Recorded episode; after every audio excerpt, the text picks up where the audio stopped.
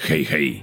Skoro już cała seria wleciała na kanał, to pora zająć się recenzją najnowszej gry Star Wars, czyli Jedi Survivor. Ja wiem, że widzieliście już na pewno recenzję tych, którzy się recenzowaniem gier zajmują na co dzień, na przykład u Energika albo Archona. Niemniej, ja postaram się krótko też się wypowiedzieć i przede wszystkim ocenić tę grę z punktu widzenia fana Star Wars. Od razu też Wam powiem, ostrzegę, że w mojej recenzji będą spoilery i to bardzo często naprawdę istotne dla fabuły. Zatem, no, czujcie się ostrzeżeni. Ja po prostu chcę poopowiadać o grze i nie oglądać się na to, co mogę, a czego nie mogę powiedzieć. Czujcie się poinformowani. Jak już wszystkie zastrzeżenia mamy gotowe, to jedziemy.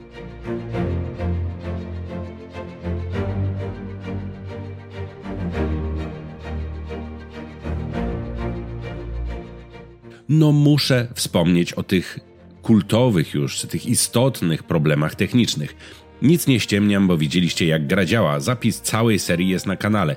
10 odcinków ogrywane na PC z RTX 3060, a 8 na Xboxie po premierze. Owszem, stan techniczny to nie jest coś, za co należą się pochwały dla Respawn i Electronic Arts, ale w moim przypadku nie przeszkadzało mi to w cieszeniu się rozgrywką, aczkolwiek wiem i takie sygnały dostaję od Was, że też u Was niejednokrotnie gra jest po prostu niegrywalna, nie? wiesza się, wyłącza i tak dalej, no więc no, nie wiem co z tym zrobić. O tym, że gra ma momenty spadków klatek, krztusi się, renderuje sceny w jakiejś czasami śmiesznie niskiej rozdzielczości, a aby wejść do salonu trzeba poczekać dobre kilkanaście sekund czekając pod drzwiami, aż lokacja się załaduje, powiedziano już i napisano masę recenzji i nagrano już sporo materiałów na YouTubie. Ja nie chcę się nad tym rozpisywać. Jak ktoś z Was jest ciekaw, no to zapraszam do mojej serii z gry. Tam widać wszystkie zwisy czy chrupanie, przynajmniej takie jakie ja miałem. Ale znowu, Wiem, że czasami bywa lepiej, czasami bywa gorzej. Chcę natomiast skupić się na fabule gry, bo wychodzę z założenia, że to jest to, co najważniejsze dla nas, fanów Star Wars. Chcemy fabuł w grach i tego, co nam rozbudowuje nasze kochane uniwersum i nasz kochany kanon. I mówiłem to już wcześniej, o ile w przypadku Fallen Order Lucasfilm otworzył szafkę z napisem kanon i powiedział do Respawn bierzcie z tej szafki, no to Respawn wtedy wziął Wzięli inkwizytorów, Wejdera, Soła Gerere, Tarfula, twierdzę inkwizytorów, wspomnienia po rozkazie 66. Kiedy Fallen Order okazał się sukcesem, to przy drugiej części Lucasfilm znowu otworzył tą szafkę z napisem Canon i tym razem powiedział wkładajcie do niej. No i Respawn włożył. Włożył całkiem zgrabną historię, wiążącą historię z Wysokiej Republiki z pobocznym wątkiem serialu Kenobi, czyli o tak zwanej ścieżce, czyli no, sposobie na ratowanie Jedi po rozkazie 66, włożyli świetne rozbudowanie wątku planety Jedha i wsadzili też doskonale napisaną postać Merin, której relacja z Kestisem wreszcie nie jest infantylna i nie wygląda jak romans piętnastolatków. W ogóle scenariusz historii z gry jest świetnie napisany, no bo i fabuła potrafi wzruszyć w odpowiednim momencie, a wstawki humorystyczne są śmieszne i niewymuszone. Musicie też wiedzieć, jaki był mój sposób grania. Otóż, no, starałem się gonić za głównym wątkiem, bez rozpraszania się na zadania poboczne, czy tam jakieś, nie wiem, opcjonalne szukanie skrzynek. O tym zresztą opowiem za chwilę, ale na razie skupmy się na właśnie tym świetnym tempie gry. Zawsze, kiedy miałem już na przykład trochę dość jakiejś sekwencji takiej wiecie, czysto zręcznościowej, skakania i biegania po platformach, no to ta sekwencja akurat wtedy się kończyła i mieliśmy albo jakiś fragment fajnej walki, albo zdarzenie fabularne pokazane w świetnie zrobionym filmiku. To też świetnie pokazywało powagę scenariusza. Mówiąc wprost, momentami nie miałem wrażenia, że gram w grę, tylko że oglądam serial Star Wars. Jakoś też pomagała konstrukcja tej gry, co zresztą widać na moim gameplayu. Mam wrażenie, że gra jakby sama dzieliła się na godzinne odcinki.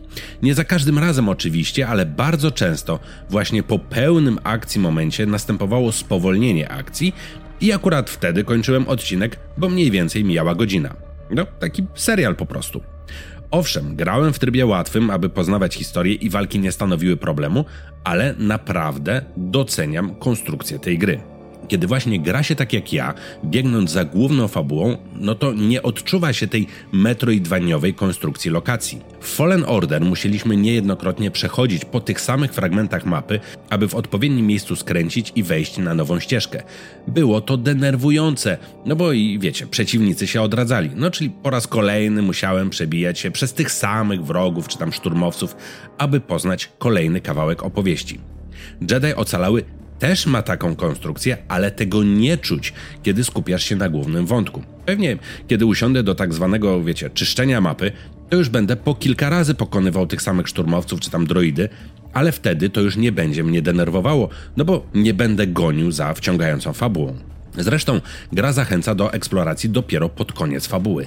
Dopiero pod koniec bowiem na mapie pojawiają się znaczniki pokazujące ciekawe miejsca, jak echa do wchłonięcia i dopiero wtedy mamy odblokowane wszystkie umiejętności, aby eksplorować niedostępne miejsca. A właśnie, Jedi Survivor oferuje nam kilka liniowych lokacji, ale także, co jest nowością, dwie większe, takie pseudo-otwarte, no w zasadzie nie pseudo, tylko otwarte. Mamy zatem Jedę, na której pokonujemy wielkie przestrzenie, ale prawdziwym królem jest Kobo, gdzie mamy masę dodatkowych korytarzy i takich sublokacji jak krążownik Hulk, baza Imperium czy starożytne budowle, no i oczywiście naszą bazę, saloon, którą możemy rozbudowywać. Na samym Kobo można spędzić spokojnie kilka godzin, jak nie kilkanaście nawet. I na chwilę przy salonie muszę się zatrzymać. Jest to centrum naszych aktywności, no głównie tych pobocznych. Możemy naprawiać kolejne elementy knajpy, zapraszać tam nowych bywalców, możemy wpuszczać ryby do wielkiego akwarium, możemy sadzić rośliny na dachu czy przyjmować zlecenia na zabójstwa łowców nagród. No i tam sporo więcej zresztą tego jest. I tutaj objawia się największa wada tej gry. I nie mówię tutaj nawet o długim wczytywaniu wnętrza salonu. O ile wątek główny jest super i nie mam do niego niemal żadnych zastrzeżeń, to te aktywności poboczne są no dość nierówne. O ile wchłanianie ech jest całkiem fajne, no to jednak za mało rozbudowuje nam lore Star Wars.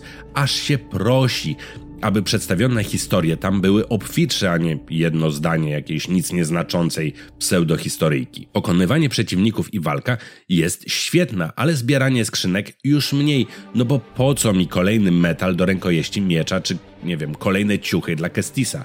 Mamy też sklepy, w których inne znajdźki możemy wymieniać na kolejne elementy kosmetyczne. Możemy też sadzić roślinki. A wszystko to nie bardzo wiadomo po co. Oczywiście rozumiem, że są tacy gracze, których to jara i zmieniają wygląd swojego kala za każdym razem, kiedy znajdą jakieś nowe elementy i przebudowują swój miecz świetlny.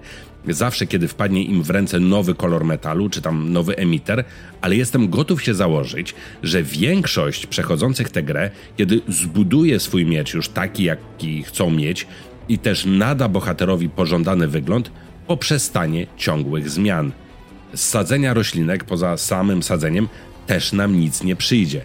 Aż po prostu prosi się, aby te wszystkie elementy pełniły rolę bardziej niż kosmetyczną. Wiecie, jak w Hogwarts Legacy na przykład, gdzie z sadzonych roślinek czy tam zwierzątek mogę robić jakieś mikstury czy ulepszać swoje ciuchy. Oczywiście nie twierdzę, że w e, Jedi Survivor też tak powinno być, ale też to jest jakiś pomysł na zagospodarowanie tych pobocznych aktywności. Zresztą, no może nam to twórcy zagospodarują w kolejnej części gry i ta kolejna część gry bardziej nam skręci w stronę RPG. Nie wiem, być może. Właśnie, skoro przy tym jesteśmy, no to oczywiście wszystko wskazuje na to, że kolejna część będzie. Historia Kestisa, Merin i córki Bouda aż prosi się o konkluzję. No i teraz wróćmy do tej fabuły, bo powiedziałem, że jest świetna, ale wspomniałem tylko, że najlepsze są postacie. Mamy oczywiście Kala, który od czasów Fallen Order działa jako swego rodzaju agent wykonujący misję dla Soła Gerery. Razem ze swoją komórką akurat chcą pojmać pewnego senatora z Coruscant. Widzimy zatem świetne, podziemne poziomy Coruscant. No nie jest powiedziane, czy to poziom 13-13, ale nie zdziwiłbym się, gdyby tak było. Misja nie idzie zgodnie z planem i spora część towarzyszy Kala ginie, a on i Boat muszą uciekać z planety. Modliszka zostaje uszkodzona i ląduje na Kobo, gdzie musimy znaleźć Griza, dawnego kapitana modliszki, bo tylko on umie ją naprawić. Podczas poszukiwania części do statku, Kal trafia na droida z czasów Wysokiej Republiki. Okazuje się, że jest gdzieś ukryta planeta, Tanalor, która była ważna dla Jedi w czasach Wysokiej Republiki i może być dobra dla ukrywających się po rozkazie 66 Jedi. No i akcja zacznie galopować. Na Jedzie spotkamy ponownie Sir, która teraz stara się zachować od zapomnienia archiwa Jedi. Spotkamy też mistrza Eno Cordove, którego znamy tylko z zapisów holograficznych z poprzedniej gry. Będzie też oczywiście Merin, która nauczy nas kilku wiedźmowych sztuczek. Spotkamy też przechowywanego w bakcie Jedi, a właściwie Tutaj uwaga, uwaga, spoiler, Sita z czasów Wysokiej Republiki. Najbliższy przyjaciel Kala okaże się mrocznym Jedi, który jednak w swoim zwróceniu się ku ciemnej stronie mocy jest najbardziej ludzki, bo czyni to, co mu każe Imperium tylko po to, aby ratować swoją córkę. Sir toczy walkę z Vaderem, no i Vader dostaje spore wciry, ale finalnie Merin i Kal odnajdą Tanalor i pochowają swoich poległych przyjaciół, Kordowe, Sir i Bouda, który jak powiedziałem, choć zdrajca i użytkownik ciemnej strony, robił to wszystko ze szlachetnych pobudek. Pełno zwrotów akcji, opadów szczęki i mocnych momentów, aż chciałbym, aby Kestis i ekipa pojawili się nie tylko w kolejnej części gry, ale też w jakimś serialu lub nawet filmie kinowym. Właśnie dla takich historii jestem graczem i fanem Star Wars. Nie infantylnych i przewidywalnych, ale właśnie takich, pełnych emocji i zaskakujących. Jedi Survivor nie jest idealny i nie mówię ponownie o kłopotach technicznych, ale pod względem najważniejszym historii zdecydowanie dowozi. Jest to dobry sequel, który robi wiele rzeczy lepiej niż pierwsza część. Lepsza mapa, lepsze i płynniejsze animacje, rozleglejsze i bardziej okazałe lokacje i więcej różnorodnych przeciwników. Ale to nie tylko kwestia większego budżetu odgrywa tutaj rolę. Jak w typowym sequelu więcej i lepiej. Tutaj naprawdę przyłożono się do tej historii i z tego, jako fan Star Wars, jestem bardzo zadowolony. Gdybym był fanem trudnej, solsowej rozgrywki, no to ustawiłbym wyższy poziom trudności i bawiłbym się dobrze, tłukąc żabę 20 godzin. Gdybym był fanem lizania ścian w poszukiwaniu znajdziek, to ta gra też by mi dostarczyła takiej rozrywki.